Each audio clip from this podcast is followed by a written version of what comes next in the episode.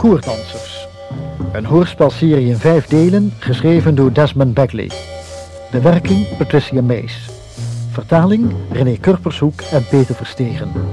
Regie Hero Muller. Vandaag deel 2.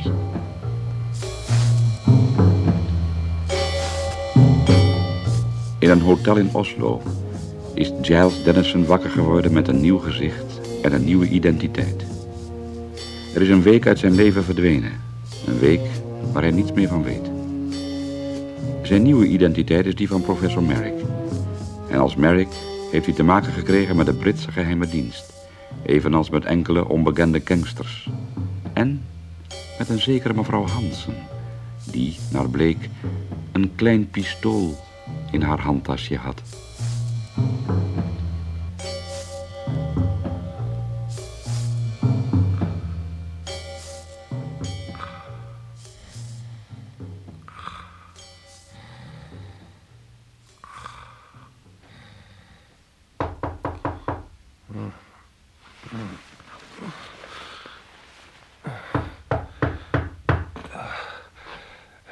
Dat zijn, verdorie? Ja, ogenblik. Hoe laat is het? Ik kom al. Gesodemieter.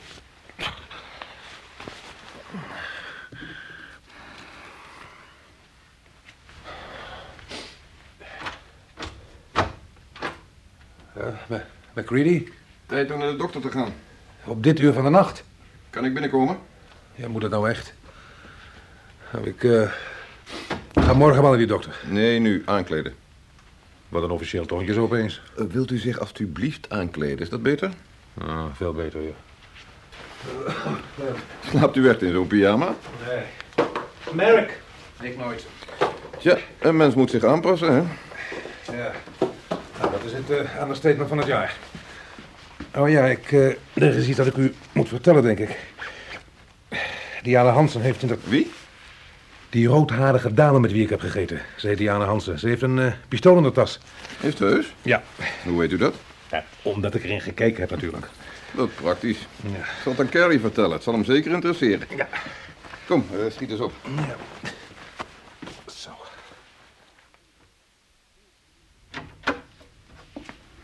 Ah, kom binnen, meneer Dennison. McCready zou me naar een dokter brengen. Ziet er hier niet bepaald uit als een eh, spreekkamer. Mijn naam is Iredale, ik ben arts. Nou, McCready sprak u aan met meneer.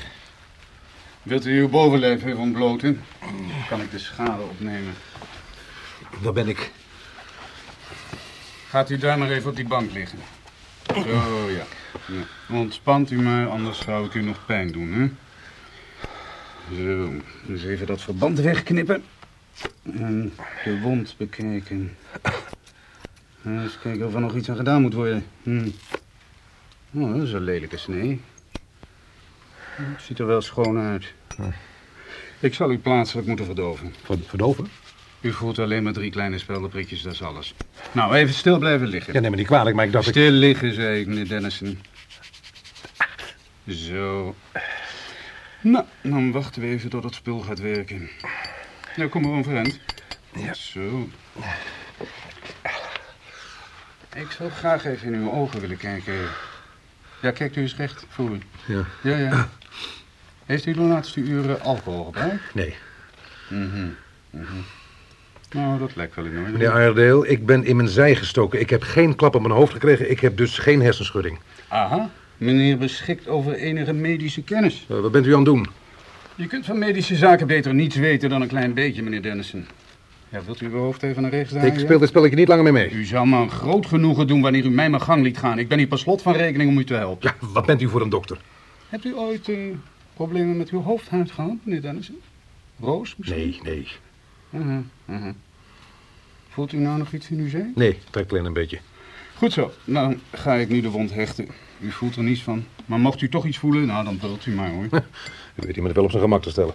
Ja, gaat u maar weer rustig liggen, hè? Hoofd de andere kant op. Goed zo. Als ik klaar ben, komt er nog even een andere dokter kijken. Wij eh opstellen in Rotte van drie. En eh Iredale, wat denk je ervan? Het is Merrick niet. Tenzij Merrick onlangs bij een plastisch chirurg geweest is. Daar ben je zeker van. Ja, licht. Eh, die meneer ken ik geloof ik niet. Oh, neem me niet kwalijk, dat is Ian Armstrong, iemand van mijn staf. Hoe maakt u het? Nou, dat weten we dan weer. Uh, Dr. Harding, uw beurt. Gaat u met naam toe. Ik hoop niet veel tijd nodig te hebben. Nou, het zou mij benieuwen wat de psychiater te weten kan komen over onze meneer Dennison. Voor zover wij weten, Aardeel, hebben ze voor deze ingreep hooguit een week de tijd gehad. Mhm. Hier heb ik een eh, heel recente foto van Dennison. Het lijkt toch haast onmogelijk. Zo, dat is bijzonder interessant. Ja, Maar zo'n verandering, kan dat in een week? Ah, voor zover ik kan zien is er maar op één plaats gesneden. Aan de buitenkant van het linker ooglid. Kleine incisie die misschien wel met één hechting bij elkaar gehouden werd. Ja, dat kan makkelijk binnen een week geheeld zijn. Hij kan hoogstens nog wat napijn gehad hebben. Ik heb sporen eh, gezien van een lichte ontsteking. Hebben ze maar één snee gemaakt? Ja, om het ooglid een tikje omlaag te kunnen trekken. Zeg, hebben jullie toevallig een foto van die Merrick bij de hand? Nou, Hier. Ja, zie je wel. Kijk, bij hem zit het linker ooglid lager door een samentrekking van de huid... die het gevolg is van dat litteken, daar. Zo te zien. Ja, door een slager gedaan. Dat nooit zo gehoeven. Eh, dat litteken is van een wond die Merrick in de oorlog heeft opgelopen. Hij was toen nog maar een jongen. Maar hoe is het in godsnaam gelukt Dennison net zo'n litteken te geven zonder te snijden? Ja, het is verrekte knap gedaan. Een mooier staaltje tatoeëerkunst heb ik zelden gezien. En zo hebben ze ook die moedervlek op zijn rechterwang gemaakt. Ik kom in mijn vak natuurlijk nogal al eens wat tatoeages tegen. Al gaat het bij mij dan om het verwijderen ervan. De haarlijn hebben ze door een grondige epilatie meer naar achteren gekregen. Afscheren kon natuurlijk niet. Dan was het teruggekomen. Hm, Die plek haar is meneer Dennison voorgoed kwijt. Dat is allemaal tot je dienst, maar leg die twee koppen nou eens naast elkaar. De echte Dennison en de echte Merrick. Dennison heeft een tamelijk mager gezicht en zonder baard zou je nog magerder lijken. Merrick heeft zware kaken. En kijk eens hoe verschillend die neuzen zijn. Dat hebben ze met siliconeninjecties gedaan. Kon het voelen aan zijn wangen, geen twijfel mogelijk. Leuk spult, siliconen. Dennison was objectief gemeten, een week kwijt. Hij zei dat hij een week uit zijn leven mist, als je dat bedoelt, ja. Mhm. Nou, dan heb ik zo'n idee dat ik wel weet hoe ze het aangelegd hebben. Hij is natuurlijk verdoofd en ze hebben gezorgd dat hij de hele week niet bijkwam. Ik zag een pleister op zijn linkerarm. Ik heb er niet onder gekeken, maar daar heeft natuurlijk het infuus gezeten... waardoor hij kunstmatig gevoed werd. Ja, ja. En dat sneetje bij zijn oog had een week nodig om te helen. Elke goede chirurg had het in vijf minuten kunnen doen. Daarna hebben ze hem getatoeëerd. Nou, en dat geeft nogal wat napijn. Maar die zou na een week zeker verdwenen zijn. Nou, de rest konden ze op een dode gemak doen. Kijk, kijk nou nog eens naar die twee foto's. De beenderstructuur van hun hoofd heeft grote overeenkomsten. Als je een foto had van Merrick van zo'n 15, 20 jaar geleden... zou die er daarop ongeveer zo uitzien als Dennison, denk ik. Althans, zoals Dennison er vroeger uitzag. Die Merrick was zeker nogal een luxueus leven gewend. Ja, daar is hij rijk genoeg voor. Ja, dat kan ik aan zijn gezicht zien. Die Dennison lijkt mij een tikje ondervoed.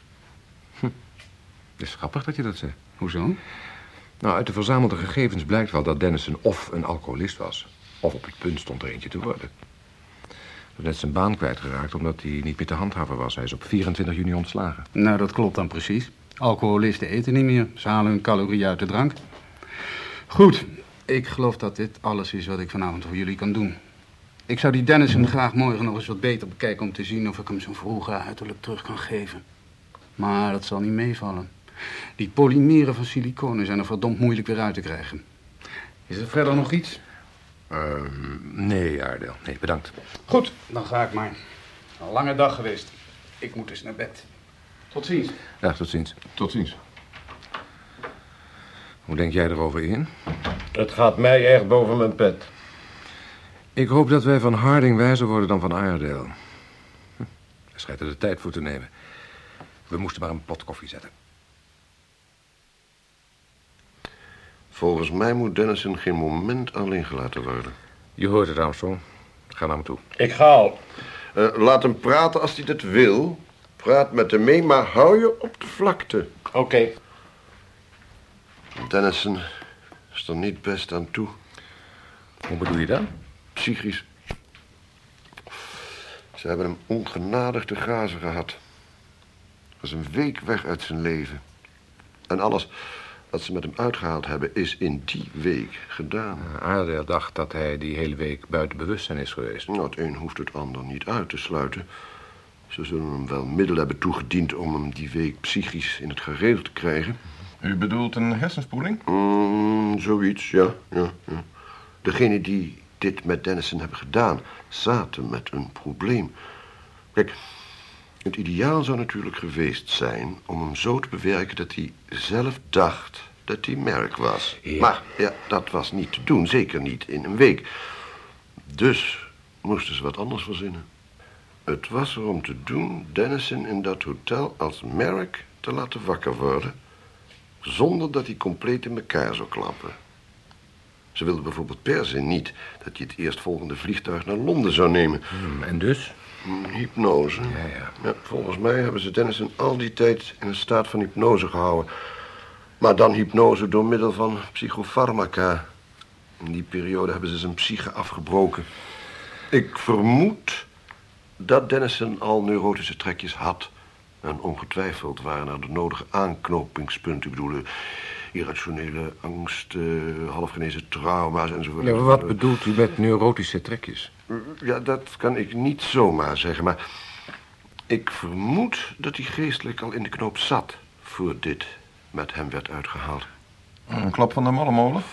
Nou, zover zou ik niet willen gaan, McCready. Maar ik denk dat er dingen waren gebeurd...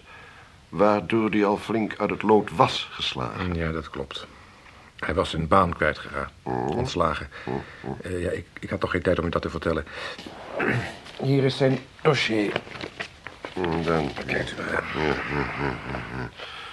Ja, ja, ja. Ja, ja als ik, had ik dit maar eerder geweten... dan zou we een hoop moeite bespaard hebben. Hij was filmregisseur. Gespecialiseerd in documentaires en reclamespot. Eh, Blijkbaar is het een keer flink uit de klauw gelopen... en dat heeft zijn bedrijf een smak geld gekost. Werd op rekening van zijn drankprobleem geschoven... en eh, ja, toen is hij ontslagen. Nou, maar dat is het niet geweest waardoor hij uit balans is geraakt. Dat drinken was een symptoom, niet de oorzaak. Ik zie hier dat zijn vrouw drie jaar geleden is gestorven. Ja. Kennelijk nog heel jong. Iets bekend over de dood? Nee, nee, maar daar kan ik wel achter komen. Oh, als je dat zou willen doen. Het zou best eens kunnen dat hij pas daarna stevig is gaan drinken. Daar gaat het nu niet om. Ja, voor mij wel. Ik moet die man behandelen. Dat begrijp ik, dokter, en u krijgt ook alle informatie die u nodig heeft. Maar waar het mij nu om gaat is... wat hebben ze precies met Dennison gedaan en hoe hebben ze het gedaan? Nou, kijk. Eh, mm, ze hebben Dennison, om zo te zeggen, geestelijk ontmanteld. Ja. Alles wat hij overhield was een naam en een plaats. En die plaats was dan nog niet eens exact. Giles Dennison uit Hampstead. Ze hadden natuurlijk ook kunnen zorgen voor een complete amnesie... eh, ik bedoel, eh, geheugenverlies. Maar dat wilden ze niet. Want het was de bedoeling dat Dennison voor Merck zou doorgaan. Dus moest hij voldoende persoonlijkheid over hebben om die rol te kunnen spelen. Maar ook weer niet al te veel persoonlijkheid... want dat zou het gevaar met zich meebrengen... dat hij de hem opgedrongen identiteit meteen zou ontkennen. Hij moest dus in een soort, eh, zal ik het noemen, tussenstadium verkeren. Een soort eh, halfbestaan, begrijpt u? Ja, Ze hebben een paar sterke psychische blokkades weten in te bouwen... met het gevolg dat hij zichzelf geen vraag gaat stellen over zijn achtergronden. En eh, om het nog ingewikkelder te maken... hebben ze hem speciaal gekozen valse herinneringen ingeprent. Hij herinnert zich bijvoorbeeld heel duidelijk een spelletje golf dat hij gespeeld heeft. Maar tegelijkertijd weet hij dat hij nog nooit van zijn leven een golfklap heeft aangeraakt. Dus daar is hij flink van in de war geraakt. En dat heeft een verlammende uitwerking op zijn wil. Zodat hij voorlopig maar blijft zitten waar hij zit. Zo'n hotel in Oslo. In de hoop dat het hem allemaal nog eens duidelijk zal worden. Is dat nou allemaal echt mogelijk? Oh ja. Onze psyche is een organisme dat zichzelf in balans houdt. Als dat niet zo was, zouden we allemaal gek worden. Jezelf vragen stellen is, eh, is natuurlijk heel elementair, maar... Toen Dennison in zijn verleden probeerde te graven... stuitte hij die blokkades en de onmogelijkheid van wat hij in zijn eigen bewustzijn ontdekte... was zo'n schok voor hem... dat hij zijn toevlucht nam tot zogenaamde absenties. Wat zijn dat nou weer? Nou, hij was er opeens niet meer. Ons bekend symptoom, vooral bij hysterici. Het is tweemaal gebeurd in het uur dat ik met hem praatte. Hij viel in slaap. En als hij na een poosje wakker werd, was hij het hele gesprek vergeten.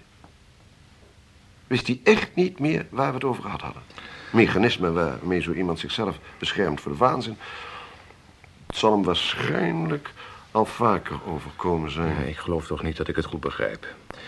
U zegt dat Dennison min of meer getroubleerd is en geregeld in slaap valt. In elk geval wegraakt. Hm? Maar hoe rijmt u dat met het feit dat hij een van mijn mensen die je moest schaduwen... op uiterst listige wijze heeft afgeschud? En dat hij naar de hand in een situatie belandde die je makkelijk zijn leven had kunnen kosten. Maar waar hij zich uitstekend uit wist te redden. Oh, hij is capabel genoeg. Alleen als hij in zijn verleden begint te graven... wordt hij geconfronteerd met het onmogelijke... en krijgt hij de bewuste absenties. Een capabel, ja, dat mag je gerust zeggen. Dat vergat ik nog te vertellen. Hij is ook Diana Hansen te slim af geweest. Hoezo? Hij heeft ontdekt dat ze een revolver bij zich draagt. Dat vertelde hij me, want hij vond dat wij dat hoorden te weten. En nog iets. Het is best mogelijk dat hij een alcoholist is geweest, maar nou lijkt hij eerder van de blauwe knoop. Diana vertelde dat hij gisteravond een whisky bestelde, maar toen hij een slok had genomen, trok in je gezicht of hij spiritus had gedronken. Interessant, dat is heel interessant. Ze hebben als gekken geroerd in die psychevallen. En het zou grappig zijn als dat hem tevens van zijn alcoholisme heeft genezen. Ja, ja, ja. Oh, eh, hij moet overigens wel een tijdje het ziekenhuis in, hoor. Ik kan dat wel regelen. Dank u, dokter. Ik zou hem graag morgen nog eens onder handen nemen. Eh, wat zijn de heren met hem van plan? Wij zullen heel goed op hem passen. Nou, dat is ook hard nodig. Zonder goede medische hulp bestaat er een reële kans dat hij krankzinnig wordt. Hoor. Nou, ik eh, ga maar eens naar bed. Heren, tot ziens. Tot ziens. Tot ziens.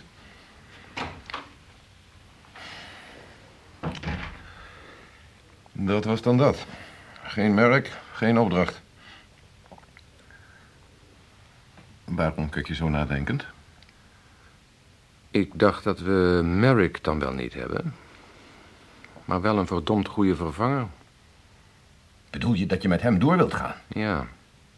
Terwijl er alle kans is dat de man krankzinnig wordt. Harding zegt het zelf. Het lijkt me ethisch niet helemaal in de haak. Begin me niet over ethiek. Ik heb een opdracht te vervullen. Breng hem nu maar naar zijn hotel terug. Maar man, weet je wel wat je doet? Ja. Maar jij kunt proberen iets voor mij uit te zoeken... terwijl je Dennison terugbrengt naar zijn hotelkamer.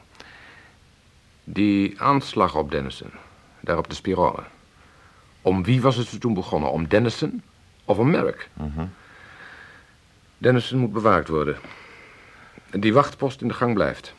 En ik wil ook iemand die zijn raam in de gaten houdt. Dat hele hotel moet scherp in de gaten gehouden worden. Ik wil dat jij daarvoor zorgt. neemt u mij niet kwalijk. Wat kan ik voor u doen, professor Merrick? Sleutel graag. Natuurlijk, professor. Alsjeblieft. Dank u zeer. Papa! Papa! Papa, hoe is het mogelijk?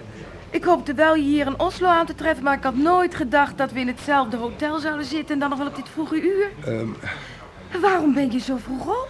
Of ga je nu pas naar bed? nee, eh, ik was... ehm, ik was op bezoek bij vrienden. Het, is een beetje uit de hand gelopen. Ik heb net van de receptie gehoord dat het nog wel even kan duren voordat ik mijn kamer in kan.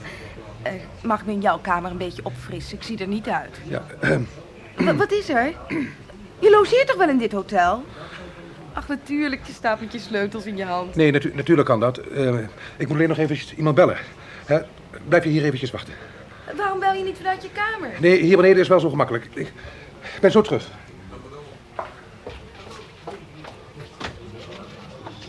Lieve God. Een dochter. Merk heeft een dochter. Een nummer. Ja. Ja. Carrie heeft me niks verteld over een dochter.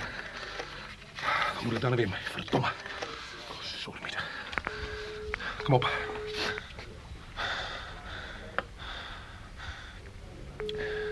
Ja, u is er aan, kom. Hallo? Ja, Carrie. Met wie spreek ik? Met Dennison. Hoe komt u aan dit nummer? Het doet er nou niet toe. Ik wil eerst weten hoe u aan dit nummer komt. Nou, in de kamer waar die dokters me onderzocht hebben, daar stond een telefoon. En volgens mij was het een directe lijn met uw kantoor, dus ik heb het nummer opgeschreven. Ah, Harding zei al dat u niet op uw achterhoofd was. Nou, ik wou dat van u hetzelfde kon zeggen. Luister, Merrick's dochter is plotseling komen opdagen. Ja, zeg dat wel. Ze staan nog geen twee meter van me vanaf. Hier, met alleen de deur van een telefooncel tussen ons in. En het allermooiste is, ik, ik weet niet eens hoe ze heet. Eh, Blijf aan de lijn. Ogenblikkelijk dat merkdossier, alsjeblieft. Merci. Eh, ja, ik heb het dossier Ja. voor me. Bent u daar nog? Ja, schiet op nou. Ehm, Margaret Lynn Merrick. Ja, En ze laat zich Lynn noemen. ja, Lin, ja. Ze is een dochter uit zijn eerste huwelijk. Ja, en leeft de moeder nog? Ehm, ja, die is na de scheiding hertrouwd. En hoe, hoe, haar naam? Ehm, Patricia Joan Medford. Ja. Nu getrouwd met John Howard Medford, John. effectenmakelaar. Ja.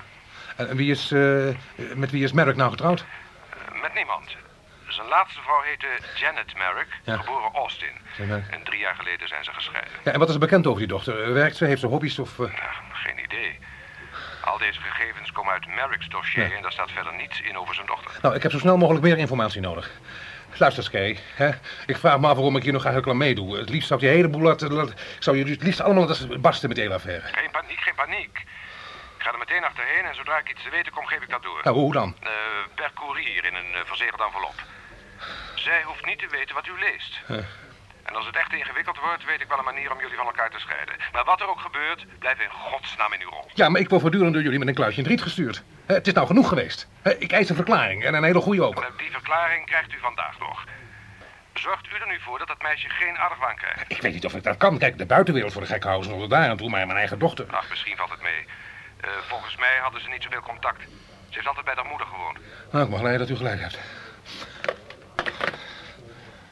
Nou, op hoop van zegen. Het leek wel of je ruzie had aan de telefoon. Hè? Oh, werkelijk? nou, vertel me eens, waar kom jij zo opeens vandaan? Uit Bergen. Ik ben er gisteren met de boot aangekomen. Ik heb een auto gehuurd en ben hier in één ruk naartoe gereden. Van gisterenmiddag tot nu toe. Oh, eh, in je eentje? Ja, hoezo? Ben je soms aan het vissen of ik een vriendje heb? Hoe oud ben je nu, eh, Lin? Ja, Soms denk ik wel eens, eh, ik ben de tel kwijtgeraakt. Ja, dat denk ik ook wel eens. Je bent zelfs mijn 21ste verjaardag vergeten. Als je hem tenminste vergeten bent. Een vader die zoiets doet. Nou, luister nou. eh, Spijt me, papa. Maar je boft, volgende week kun je je schade inhalen. dan lijkt je me zo langzamerhand oud genoeg om geen eh, papa meer te zeggen. Ja, Hè, zeg jij maar, eh, Harry. is goed. Nou, zullen we... zullen we naar boven gaan? Dat is goed.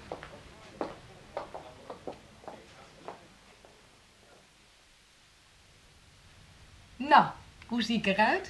Oh, oh, fantastisch. Ik heb honger. Ik geloof dat we pas eh, na acht uur kunnen ontbijten. Dan moet ik maar wachten. Als de slaper tenminste niet wint van de honger. Nee, ja. Ehm, hoe wist je eigenlijk dat ik hier was, Lin Eh, Via Andrews. Roos? Toen hij zei dat je in Scandinavië zat, wist ik dat je of hier zou zijn of in Helsinki. Ja. M- Maar misschien had ik beter niet kunnen komen. Waarom zeg je dat? Hoe kun je dat nou vragen? Ik weet nog heel goed waar we twee jaar geleden die slaande ruzie over hadden. En toen je me op een 21ste verjaardag niets van je liet horen, wist ik dat je het niet vergeten was.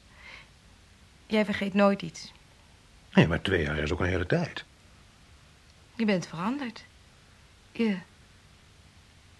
Je bent aardiger geworden. Oh, ik kan anders nog steeds knap verenigd zijn als ik dat wil, hoor.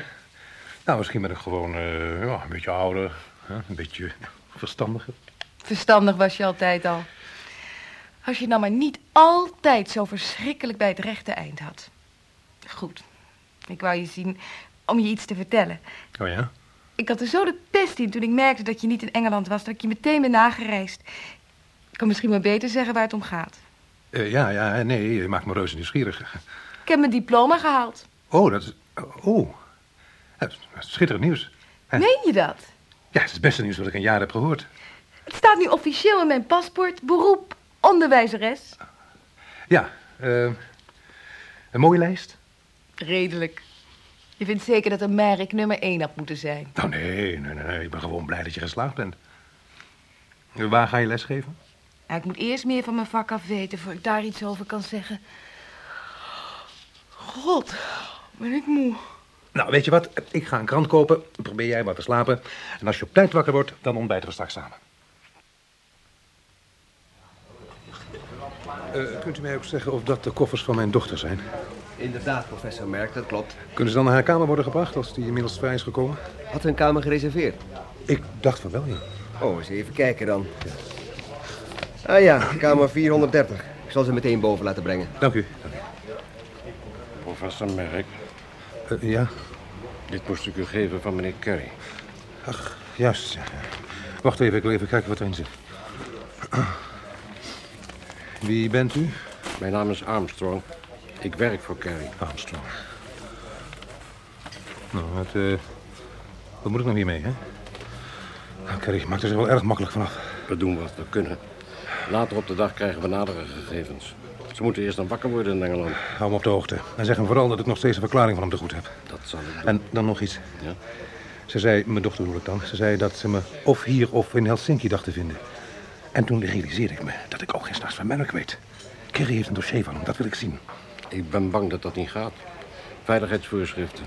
Uw antecedenten zijn nog niet onderzocht. Idioot! Ik ben jullie veiligheid. Zonder mij zijn jullie nergens. Zeg Kerry dat ik hem vandaag nog wil spreken en zeg hem dat Giles Dennison van nu af aan zijn enige veiligheid is. En zijn enige hoop.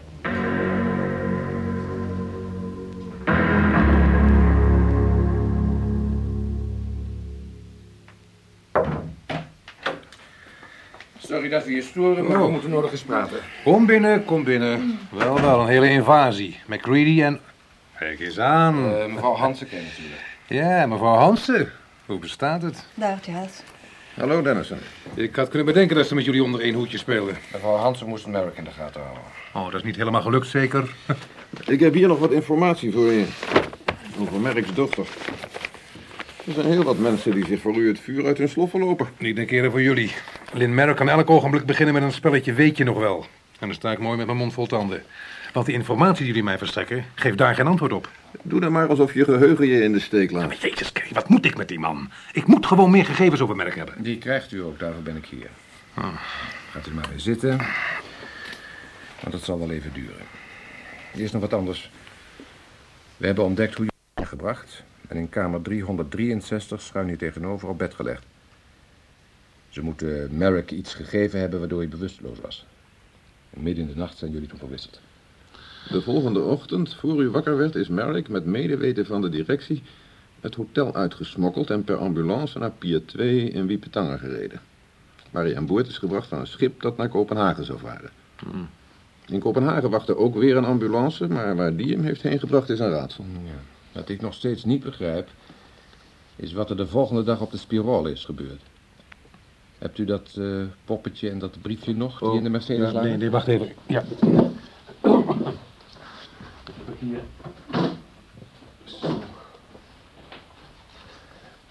Kijk eens.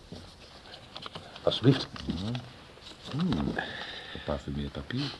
Ik wist niet dat dat nog gemaakt werd. Het is voor het eerst dat ik iets over een briefje hoor. Daarom ging Dennison opeens naar de spirale. Wat ik bijna met de dood moest bekopen, ja. Laat eens zien, laat zien. Alsjeblieft. Dat zou wel eens... Ja, Diana? Toen Merk en ik vorige week in Dramen waren, hebben we geluncht in het Spiroltop restaurant. Ik ging op een gegeven moment naar de wc en bleef een minuut of vijf weg. En toen ik terugkwam, zat Merk heel geanimeerd met een vrouw te praten. Ja, en toen, toen ze mij zag, ging ze er snel vandoor. Is dat alles? Ja? Heb jij echt alles verteld? Ik kan er nog iets aan toevoegen. Eh, de laatste paar weken ben ik veel in Merks gezelschap geweest en hij maakt op mij de indruk dat hij nogal een, eh, een ladykiller was. Seksueel zeer geïnteresseerd. Wilde hij wat met je? Nou, laat ik het zo zeggen. Ik verwachtte niet dat ik deze opdracht zonder kleerscheuren tot een goed einde zou kunnen brengen. Volgens mij valt hij op alles wat een rok draagt. Misschien schotten uitgezonderd, maar daar ben ik zelfs niet zeker van. Zo, zo. Nou, dat weten we toch weinig van onze medemensen. Hij is ook twee keer gescheiden. Dat briefje was voor een rendezvous, denk je? Waarom niet? Zou Merk nooit ingetrapt zijn. Was hij veel te intelligent voor. Toen jullie vorige week naar Dramen gingen, heeft hij eerst contact met mij opgenomen volgens afspraak.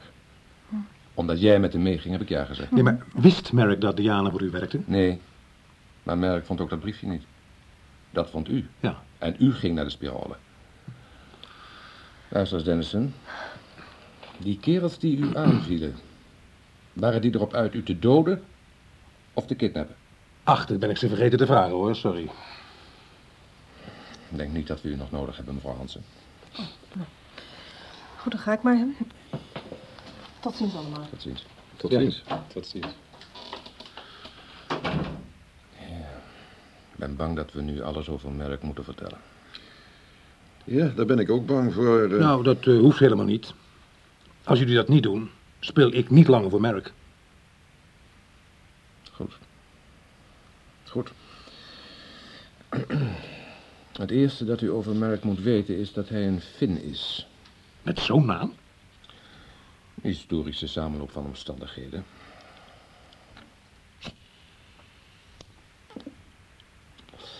Het is allemaal begonnen in 1609. James I heeft toen een gezant naar Finland gestuurd met de naam John Merrick of Merrick. Ja.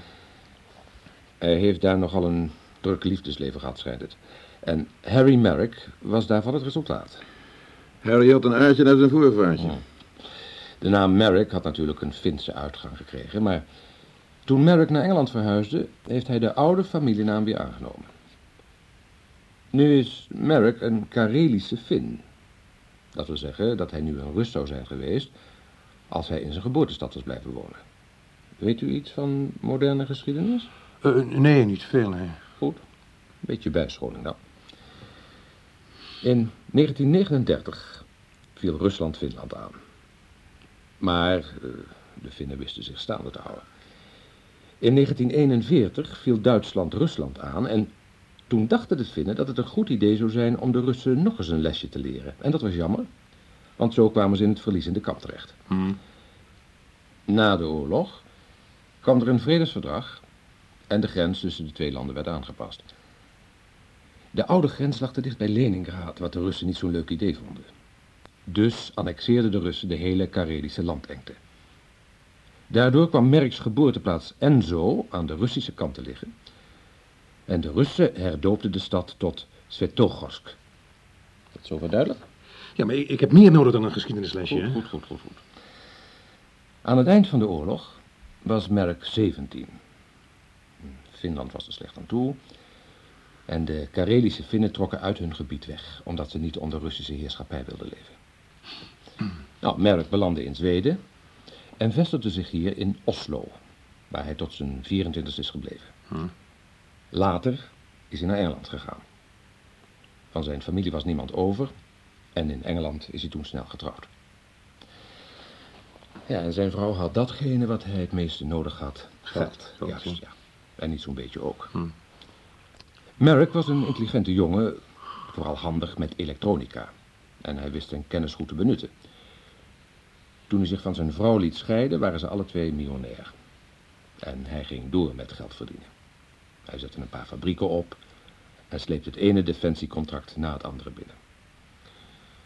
Hij heeft het nu zover geschopt dat hij voorzitter is van speciale commissies in zaken technische defensieaangelegenheden en dat de premier hem heeft opgenomen in haar adviesraad. Het is een hele hoge Piet, maar men kent hem niet. Kunt u me volgen? Ja, dat wel, maar voorlopig schiet ik daar geen moe mee op. Merrick heeft zijn intelligentie waarschijnlijk van zijn vader geërfd. Dus laten wij pa eens onder de loep nemen. Moet dat nou? Nou, anders zou ik het niet doen. Hannu Merken was een fysicus. En als hij niet in de oorlog was omgekomen, had hij ongetwijfeld de Nobelprijs gekregen. Door de oorlog moest hij zijn onderzoek stopzetten en voor de Finse regering in Viipuri gaan werken. Wat toen de op één na grootste stad van Finland was.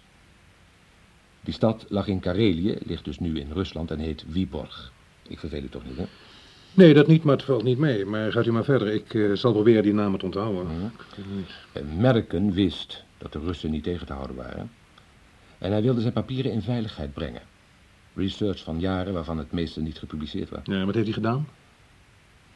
Hij heeft al zijn papieren in een metalen kist gepakt. En die in de tuin begraven. Harry Merricken, dat is dus onze Harry Merrick, heeft hem daarbij geholpen. De dag daarop is het hele gezin, behalve onze Harry, bij een bombardement omgekomen. En die papieren, zijn die eh, belangrijk? Juist, ja. Ja. Harry kwam erachter hoe belangrijk toen hij in een boek wat van zijn vaders aantekeningen vond. Hij heeft die aantekeningen aan een paar belangrijke mensen laten zien. En na een paar telefoontjes kwamen wij eraan te pas. En het plan is nu zeker tuin omspitten en papieren terughalen. Precies. Hm. Maar er zit één addertje onder het gras. De tuin ligt in Rusland. En voordat we iets konden ondernemen, werd Merk gekaapt en kregen we u ervoor terug. En dat is me bekend, maar waarom ik? Eh, het had ieder ander kunnen zijn die voldoende op de echte Merrick leek, zodat er geen al te grote operaties nodig zouden zijn. Het moest ook iemand zijn die niet dat al snel gemist zou worden, fysiologisch het juiste type. En dat brengt ons op het volgende chapiter. Bepaalde personen, laten we zeggen groep X, hebben Merrick gekidnapt. Ze weten niet of wij de verwisseling al gemerkt hebben en dat zullen we ze ook niet gaan vertellen. Daarom hebben wij uw medewerking nodig, meneer Dennison. Wij willen dat u voor Harry Merrick blijft spelen. Wij willen dat u naar Finland gaat. Bent, bent, bent u gek geworden? Ik spreek geen woord Fins. Merk wel. Mhm. En ook Zweeds, Noors Ja. en Engels. Vloeiend en idiomatisch correct. Zijn Frans kan ermee door, alleen zijn Spaans laat wat te wensen over. Nou dan, dus... Dennison, Merrick was 17 toen hij uit Finland vertrok. Het lijkt mij niet onaannemelijk dat hij de taal vergeten is. Het is toch ook te gek om los te lopen. U zult er goed voor betaald worden. Ja. U krijgt smartengeld voor wat u tot dusver al hebt moeten doormaken... en de heer Iredale is graag bereid om u na afloop fysiek weer in de oude toestand terug te brengen. Harding ook? Ja, Harding ook. Waarom zijn die papieren zo belangrijk? Sorry, dat is geheim. Dat gaat niet. Aha, chantage. Een kwestie van zelfbeveiliging. Goed, maar ik kan niet in details treden. Naar het schijnt heeft Hannu Merken in 1937 een methode gevonden om röntgenstralen te weerkaatsen. Lasers. Uiteindelijk heeft het daar wel mee te maken, ja. Ja. Ziet u, theoretisch zou het mogelijk zijn een röntgenlaser te maken, maar er is één probleem. Röntgenstralen dringen door alles heen zonder te weerkaatsen. Niemand is erin geslaagd ze te laten weerkaatsen behalve Merken. En dat was het voor de oorlog. Met een röntgenlaser zou je vijandige raketten kunnen uitschakelen. Omdat je werkt met de snelheid van het licht, 300.000 km per seconde. Zodat je zo'n vijandelijke raket zonder probleem aan mootjes snijdt. Ja, dodelijke straal. Inderdaad, ja. En? Wat zegt u ervan? Wat ik zeg? Mijn naam is Harry Merrick.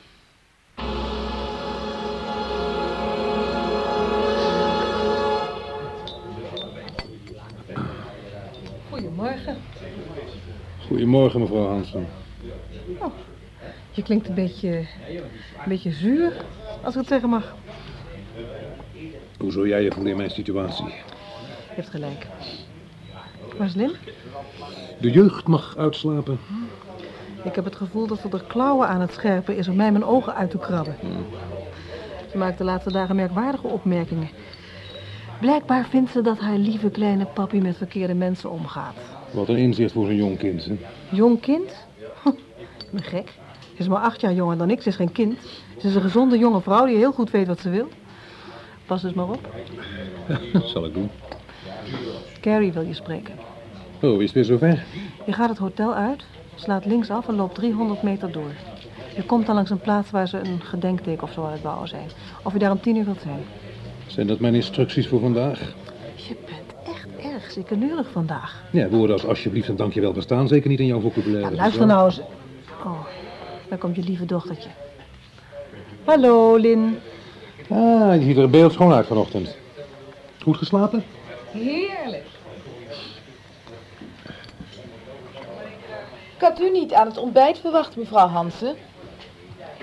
Bent u in het hotel blijven slapen? Nee hoor, ik moest je vader alleen maar een boodschap overbrengen. Wat gaan we vandaag doen? Eh, nou, ik heb eh, vanochtend een zakelijke afspraak. Eh, weet je wat, waarom gaan jullie twee niet winkelen, hè? Wat? Leuk uh, koopjesjaren, hè? Meiden onder elkaar. Hè? Nou goed, tot straks.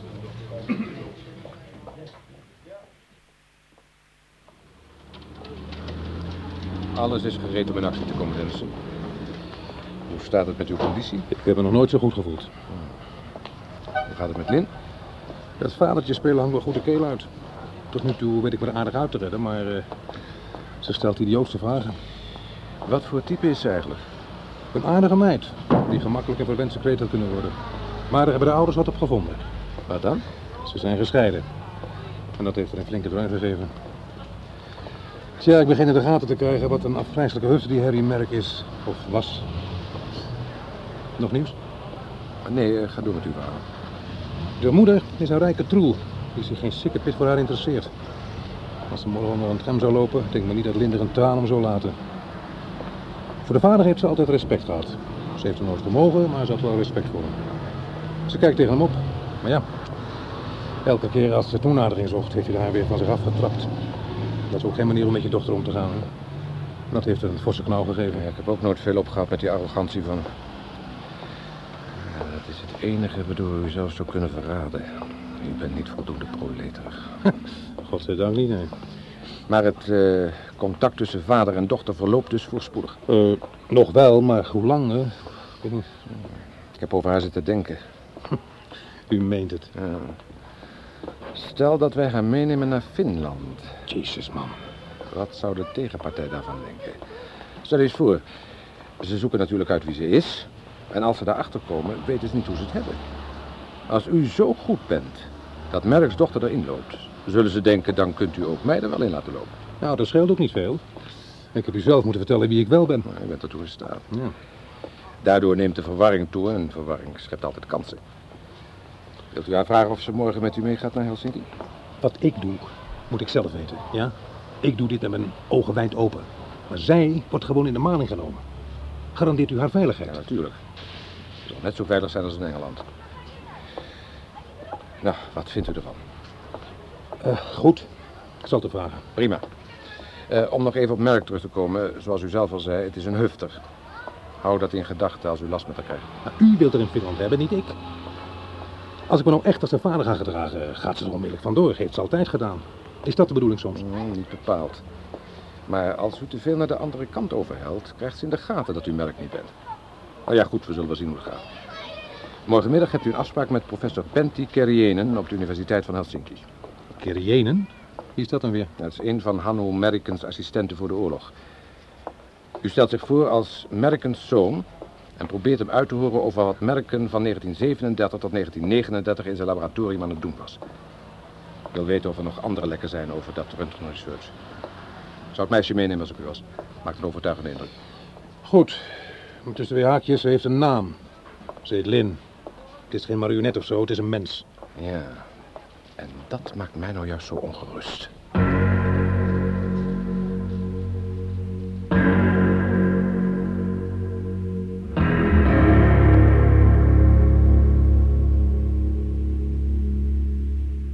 U hebt geluisterd naar het tweede deel van De Koerdansers. Een hoorspelserie in vijf delen, geschreven door Desmond Bagley. Bewerking Patricia Mees. Vertaling René Kurpershoek en Peter Verstegen. Giles Dennison werd gespeeld door Hans Veerman. MacReady door Paul van der Lek. Carrie Hans Karsenbarg. Armstrong Ab Abspoel. Dr. Harding Edmond Klassen. En receptionist Ad van Kempen. Lynn Merrick, Teuntje de Klerk. En Diana Hansen, Maria Lindes. Technische realisatie André Jansen en Bram Hengeveld. De regie had Hero Muller.